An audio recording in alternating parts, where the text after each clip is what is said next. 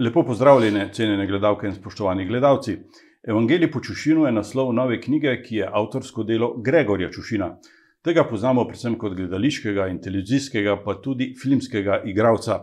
Sedaj se je postavil vlogo literarnega avtorja, ki s pravkar izdano knjigo Evangelij po Čušinu nagovarja bralce dobrih knjig. Gregor Čušin, lepo pozdravljeni v našem studiu. Dobrodošli. Živijo, dobro dan. Knjiga ni nastala le v dveh, treh tednih, ampak je rezultat večletnega vašega ukvarjanja s tem projektom Evangelij po Čušinu. Povejte nam, koliko časa se že ukvarjate s tem? Z uh, knjigo ali z Evangelijem? Z Evangelijem.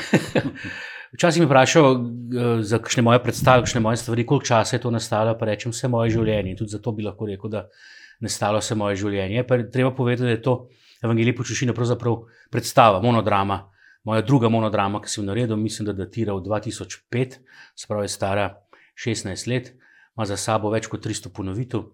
Uh, in uh, je pravzaprav dejansko nastala v dveh, treh tednih, saj sam, sam zapis.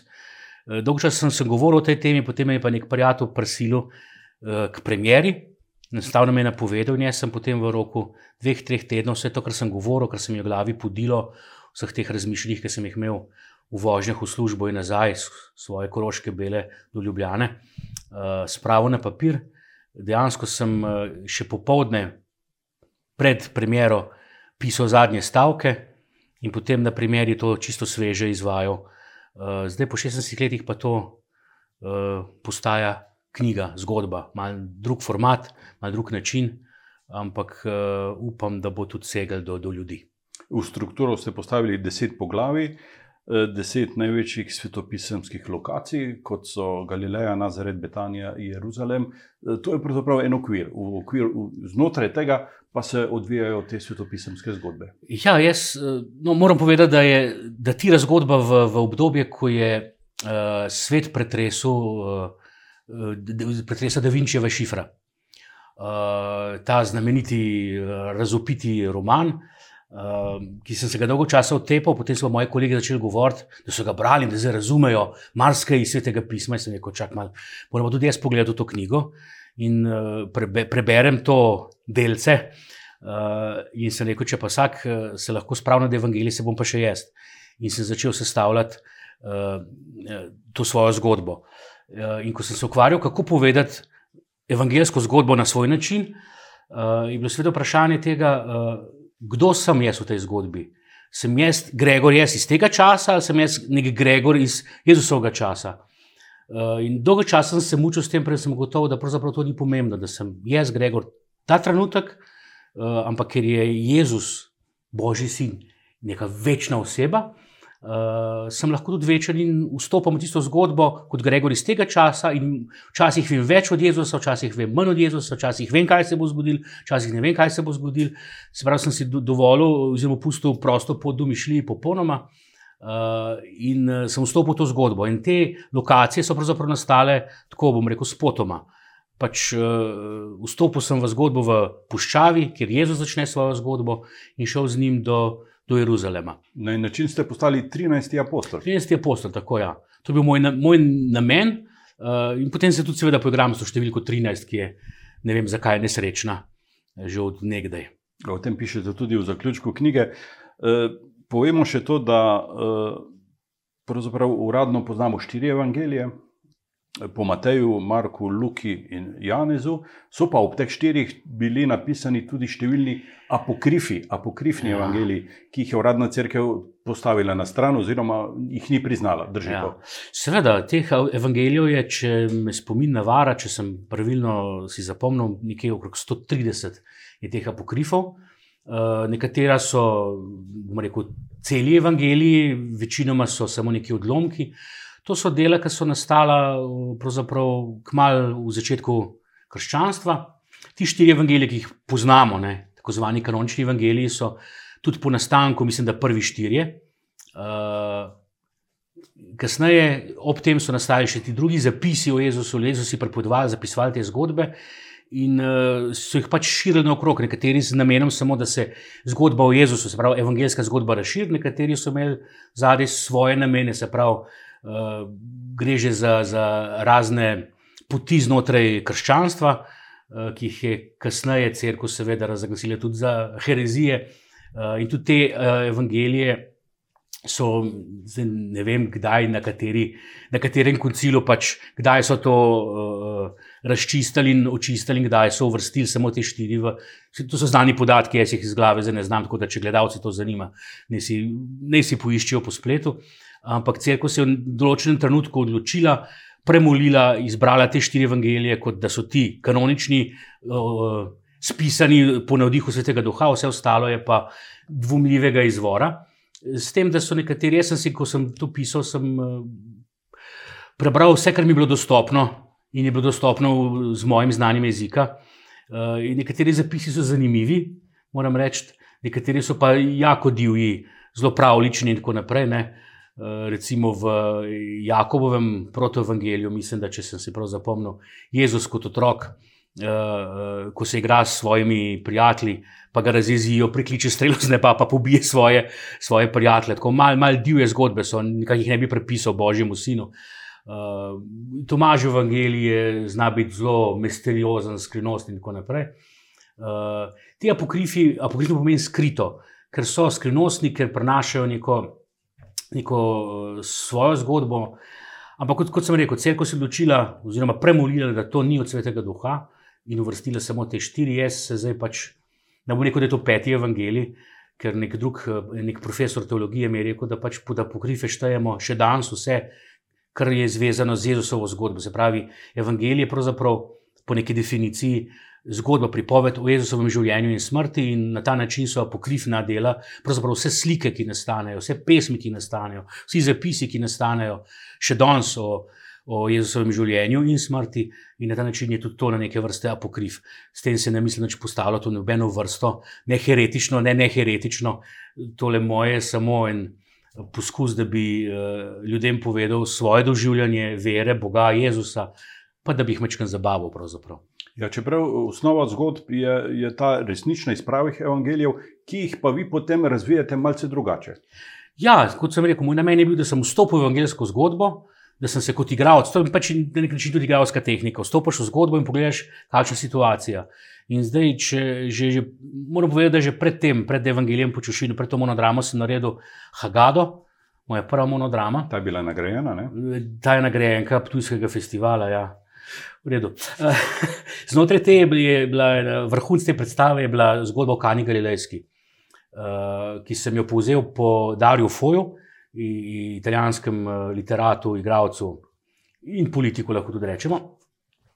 Eh, da zgodbo o Kani Galilejski, to znamenito zgodbo o prvem Jezusovem čudežu, ko spremeni, ko naredi iz vode vino, da to zgodbo pove pijanc. In ta zgodba dobi popolnoma nam rekel, popolnoma, ampak drugačen pomen, uh, drugačen odzven. In to me je strašno zabavalo. Ta, ta zgodba je bila res uh, uspešna, vrhun, uh, zelo dobro sprejeta v publiki. In z te zgodbe sem vzel pač ta način, da sem vstopil v te zgodbe in jih povedal po svoje. Kaj se zgodi, če v nek dogodek, znamenit evangeljski dogodek, vstopi nekdo, recimo en Gregor Čušin, ki ga vidi drugače, ki ga preupraša drugače, in tako naprej. In uh, tako sem šel skozi to zgodbo. Mnogi so mi zamerili, uh, da sem izpustil križanje in stajenje, se pravi, dva najpomembnejša dogodka v Jezusovem življenju. Ampak ker so me hkrati obtoževali, da se norčujem iz Jezusa, sem rekel, če, če me pri teh stvareh, pri teh nekih običajnih čudežih, zmerjate, da se norčujem, kaj bi še le bilo, če bi upisal eh, križanje. Potem je bilo to res skrajno norčevanje. Prav s tem namenom izpoštljivosti do teh dveh velikih dogodkov, ki jih tudi kot, sam kot vernik uh, spoštujem in verujem, nisem hotel jih upisati po, uh, po svoje, da ne bi izpadli prenorčavo. Zgodbe se dogajajo 2000 let pred našim štetjem pred Kristusom, po Kristusu pravzaprav. Eh, v tisti čas pa umeščate tehnične naprave, ki, so, ki jih poznamo danes. Pravzaprav eh, Jezus dobi telegram, da je umrl njegov prijatelj Lazar. Apostol Juda pripoveduje o srebrnih bitcoinih, v gostilni apostoli pijajo makijato, jedo pice, po jezeru se vozijo z gliserji, To so naprave današnjega časa. Ja, se pravi, stopil sem v to zgodbo kot Gregor iz tega časa in sabo prenesel določene stvari. Hrati sem pa s tem hotel povedati, da je tudi Jezus še danes živ. Da ta evangeljska zgodba ni nekaj, kar je uh, ostalo uh, zataknjeno 2000 let nazaj, ampak se dogaja še danes. Da je to aktualno in živo. Uh, in da je, pač, če bi Jezus danes nastopil, bi pač uporabljal te uh, moderne naprave, bi imel vdajo po televiziji, mogoče bi napisal knjigo, ne vem. Uh, bi govoril o Freudu, o Cankarju, kot ja, vi ja. govorite. V predstavi knjigi. so nastopili tudi ja, določeni ljudje, ki sem jih mogel skozi uh, teh 16 let menjati, ker so preminuli. Zvezda predstave je bil svoj čas uh, naš bivši predsednik Janez Drnovšek, pač sem ga pač tudi mogel omakniti, ker ni lepo, da o mrtvih samo dobro. Uh, pa sem ga na mestu z drugim tudi menjam ljudi v, v sami predstavi, v knjigi so pač zdaj zapisani kot so, v, v predstavi, ki jo še zmeraj igram jih pa pač zamenjam. Ko sem šel recimo nastopiti v Avstrijo ali pa v Italijo, sem pač eh, slovenske politike zamenjal z adekvatnimi tujimi politiki. Vse človeška narava je posod enaka, čeprav se drugače piše. E, knjiga se izteče zadnjo večerjo, e, ki pa ste jo plačali vi, pravzaprav, vsaj v knjigi. Ja, ja. račun za zadnjo večerjo sem poravnal jaz, ker je račun za vse ostalo pa poravnal Jezus na križu. Ampak zdelo se mi zabavno, kdo je pač moral plačati ta račun. Ne? V svetem pismu nikjer ni zabeleženo, kdo ga je, tukaj sem jaz prevzel stroške. Upam, da bom s prodajo knjige pokril. Ja, upajmo. Uh, rdeča nit knjige je pravzaprav tudi humor. Ne? Znani ste potem, da ste uh, vedrega srca, da znate tudi resno situacijo povedati na šaljiv način. Uh, ste kdaj stopili korak nazaj, ste si rekli, o, tu sem šel predaleč? uh, svoj čas sem vse stvari, ki sem jih tako napisal, pa če sem bil v dvomih uh, šel prebrati mami. Rekel, če moja mama zdrži, potem bo to šlo. Uh, zdaj, kadar sem v dvomih, da bom prebral ženi. Ne? Čeprav to je malo nezanesljiva publika, ker žena me ima iz meni neznanih razlogov rada in je seveda zelo popustljiva z mano. Ampak ja, uh, moram reči, da precej stvari je ostalo v osnutkih, ker sem presodil, da pač ne. ne ne bodo dosegli pravega namena prebralcev. Sploh eh, v predstavi lahko še nekaj stvari pojasniš z gesto, ne znaš s nekim komentarjem, ki ga dodaš. Knjige je prepuščena bralcu in tukaj moraš biti bolj natančen, kot v sami predstavi. In uh, nek, nek norčav zapis bi bil uh, lahko, mislim, predrzen zapis bi lahko hitro prenorčal. Ne. Tako da, ja, stopim korak nazaj. Drugač pa, če sam smem prepomniti, uh, mislim, da nisem toliko humoren, pa še bolj sem znal, da sem neresen. Jaz ne znam biti resen. Tudi resne stvari ne vzamem resno. To je bila moja napaka, že kot, tudi v, v, v, službi, v gledališču. Sem bil zmeraj obtožen, da tudi resne stvari neresno igram. Ne. Vzel sem to kot pohvalo. Znal sem, recimo v Hamletu, sem igral Polonija, se pravi očeta Ofelije, ki naredi samomor in tako naprej. Nesreče noče, ne? pravzaprav zgubi črko, ubijajo ga in tako naprej. Ampak zbudil sem pa smeh pri gledalcih ker mi je režiser zelo zameril, ampak enostaven. Jaz iz vseh teh likov sem zmeraj skušal izžeti tisto najbolj smešno. Tudi ko pišem, ne, uh, jaz vem, da jaz nisem nek literat, nimam se zapisati, jaz sem bolj pisec, pisun si rečem, zapisovalec. Uh, to, kar pišem, uh, ne premika sveta. Ne. Uh, moje besede sveta ne bodo premaknile, upam pa, da bodo premaknile kakšno obrazno mišico. Se pravi, to se pa že lastim tega, da mogoče moj zapis zna koga spraviti v smeh. To je moj domet in pravzaprav ne samo moj domet, tudi moj namen. E, recenzijo knjige je napisal duhovnik e, Gabriel Kavčič, ki je sedaj na doktorskem študiju v Rimu. E, tako je zapisal: Evangelij po čušinu je dragoceno branje. A ob tem dodal, da je potreben tudi globlji razmislek, sproščenost v zgodbah naj ne bi zameglila temeljnega sporočila. Ja, seveda, če, če uh, knjigo bereš površno, uh, lahko izpade res samo kot en, en, en miselnih vicev na Jezusov račun ali pa na moj račun. Pravzaprav. Ampak to niso samo vici. Jaz sem to predstavil in to knjigo ustvaril in spisal uh, kot Gregor Čušin, kot v prvi vrsti kristjan, veren človek, kot igralec, kot oče, kot mož, vse kar sem. In uh, to resno mislim. Kljub temu, da se da so to uh, heci, da so to šale, jaz to resno mislim. In uh, doskrat sem rekel, da bi bila predstava precej drugače sprejeta, če bi jo igral recimo nek kobal, ki ga ljudje, verni, crkvu, ne maramo kaj preveč. Uh, Medtem ko se čušino to odpusti, ker vejo, da čušin je naš. Ne. tako da je treba to brati skozi uh, očala, da je čušin naš, spravi, da je čušin to resen misel. Če ne je to res vis, vi, nisenih vicev. Uh, sama predstava, upam, da, upam, da bo knjiga doživela podoben odziv, pa uspeh. Sama predstava je um, predvsem vznemirila ljudi, predvsem uh, um, rekel, uh, teološko podkovane in posvečene. Uh, imel sem pa resnih razgovorov na to temo, uh, vabila na osebno vodne dohodne vaje, da razčistimo, kaj je tukaj res, kaj ne. Uh, temeljni problem je, teh pogovorov pa je bil, seveda, da so mislili, oziroma pričakovali od te knjige, da je to resen evangelij. Mislim, da se postavlja to v bok tem štirim kanonskim evangelijem. Pa ni. To je moje videnje evangelijev, to je predstava, to je literatura, to je fikcija, to je umetnost. Ne, pustimo ne, ne vam rekel, pustimo tiste štiri evangelije na miru, ne beremo jih. Ampak hočem reči, tole je resno mišljen, neresen tekst. Eh, pri knjigi je opazen tudi eh, prispevek ilustratorja. Eh, Kapucin, Luka Modic je avtor teh zelo premišljenih ilustracij, ima tudi diplomo Likovne akademije v Benetkah. Ja, Lukova zgodba je zanimiva. Luka je najprej doštudiral slikarstvo, kasneje, da, ne bom, da ne bom pripovedoval njegove zgodbe, postal kapucin, eh, prenehal slikarijo, eh, opustil svoje nekdanje umetniško življenje. Mi, da sem se pa srečala po nekem naključju in v pogovoru sem rekel, da pač ne sme vršiti svojega talenta stran, da ni svoj talent uporabi za boljše stvari, da ni treba, da zdaj pokuri te mostove za sabo, ampak naj gradi nove mostove z umetnostjo. In tako se je pravzaprav zaradi najmenjega srečanja spet začel ukvarjati s svojo nekdanjo ljubeznijo, slikarijo. In to je zdaj že pravzaprav druga knjigica, ki so jo napravili skupaj. Uh, strašno mu zaupam, zaradi tega, ker ima podoben smisel za humor, tudi Luka je strašno zabaven človek, uh, predvsem pa talentiran likovnik. Mislim, da je eden najboljših slovenskih ilustratorjev, predvsem pa razume, kaj hočem povedati. Njegove uh, ilustracije pa so zelo zanimive in pravzaprav jaz jih tretiram kot ikone. Ker ikone treba razložiti.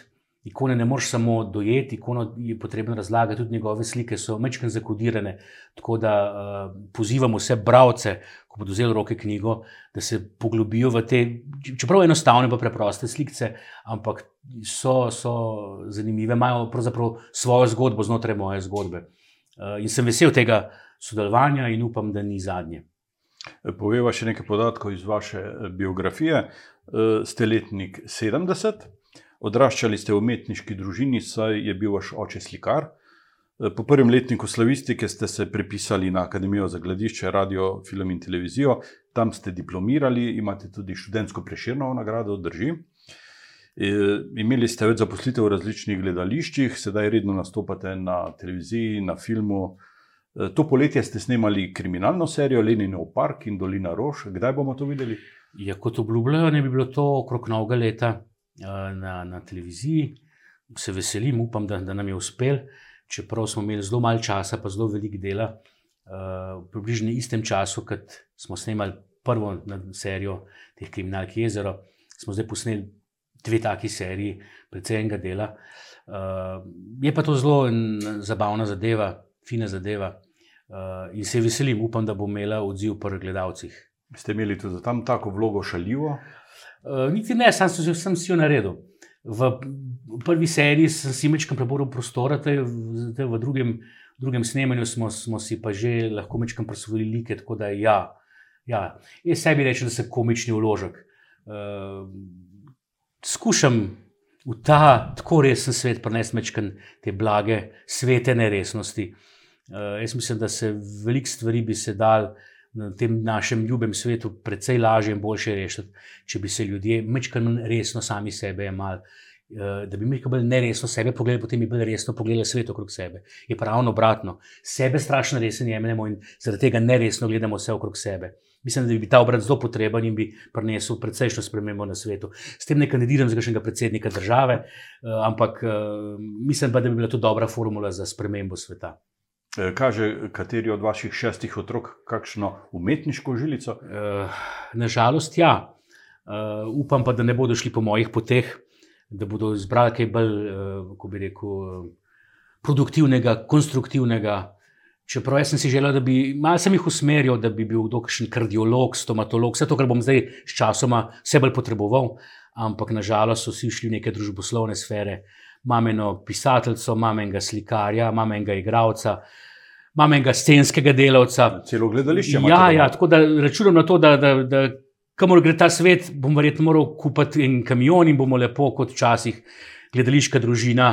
Eh, pa se bomo vozili, oče bo pisal tekste, ostali bodo poskrbeli za ostalo, pa bomo šli po svetu. Zelo lepo. Uh, imate tudi rubriko uh, v reviji Ognišče, pišete za družino, imate blog, vas to izpolnjuje? Predvsem me zaposluje. Uh, ja, moram reči, da doskrat rečem ženi, kdo bi si mislil, ko sem se odločil za akademijo, ko sem pustil slavistiko, te pisateljske, pravzaprav pesniške sanje. Uh, ko sem se spoznal s, s gospodom Toporišičem in z slovnico, sem ugotovil, da bom te sanje pustil pri miru, šel na akademijo in mislil, da bom seveda velik igralec. Velik sem sicer postal, sicer malo bolj v širino kot v višino. Ampak kdo bi si mislil, da bom se ukvarjal spet z besedo, da bom živel od tega pisateljevanja. Uh, tako da te kolumne so mi sicer v veselje, hkrati pa tudi v breme. Malo zoprno je, ker moraš vsak mesec ob točno določenem datumu, da točno določene tekste. Človek ni narejen uh, kot uh, ura, uh, inspiracija in navdih ne prijeta kar tako, uh, da bi si človek želel, da bi vrgel en kovanček v vrežo, pa da preleti ven tekst. Hkrati pa, ko nekaj nastane, ko napišem, ja, moram reči, sem vesel, uh, presenečen. Ko berem nekaj stare tekste, sem včasih presenečen, da je to prišlo izpod mojih prstov, iz moje glave. Oziroma, zmeraj bolj dojemam, da sem samo na nek način prevodnik, da tam gore en golobček, sveti duh, lebdi nad mano in to jaz pravim, kaka, in potem pa jaz to mečkam prevedem v, v, na papir s pravom in to je to. Uh, mi je v veselje, uh, upam pa, da tudi ljudem v prijetno branje in korist. Uh, vas lahko prosim, da nam preberete odlomek iz knjige? Seveda. Ne bo to. Galileja. O Jezusu si lahko mislite in o njem rečete karkoli, le tega ne da je bil dolgočasen. Ljubi Bog v nebesih, kaj vse smo na poti z njim doživeli. Vedno je bilo kaj. Kamorkoli smo prišli, so ljudje drli na kup, da bi ga videli, da bi se ga dotaknili, da bi ga slišali. In bilo je kaj slišati.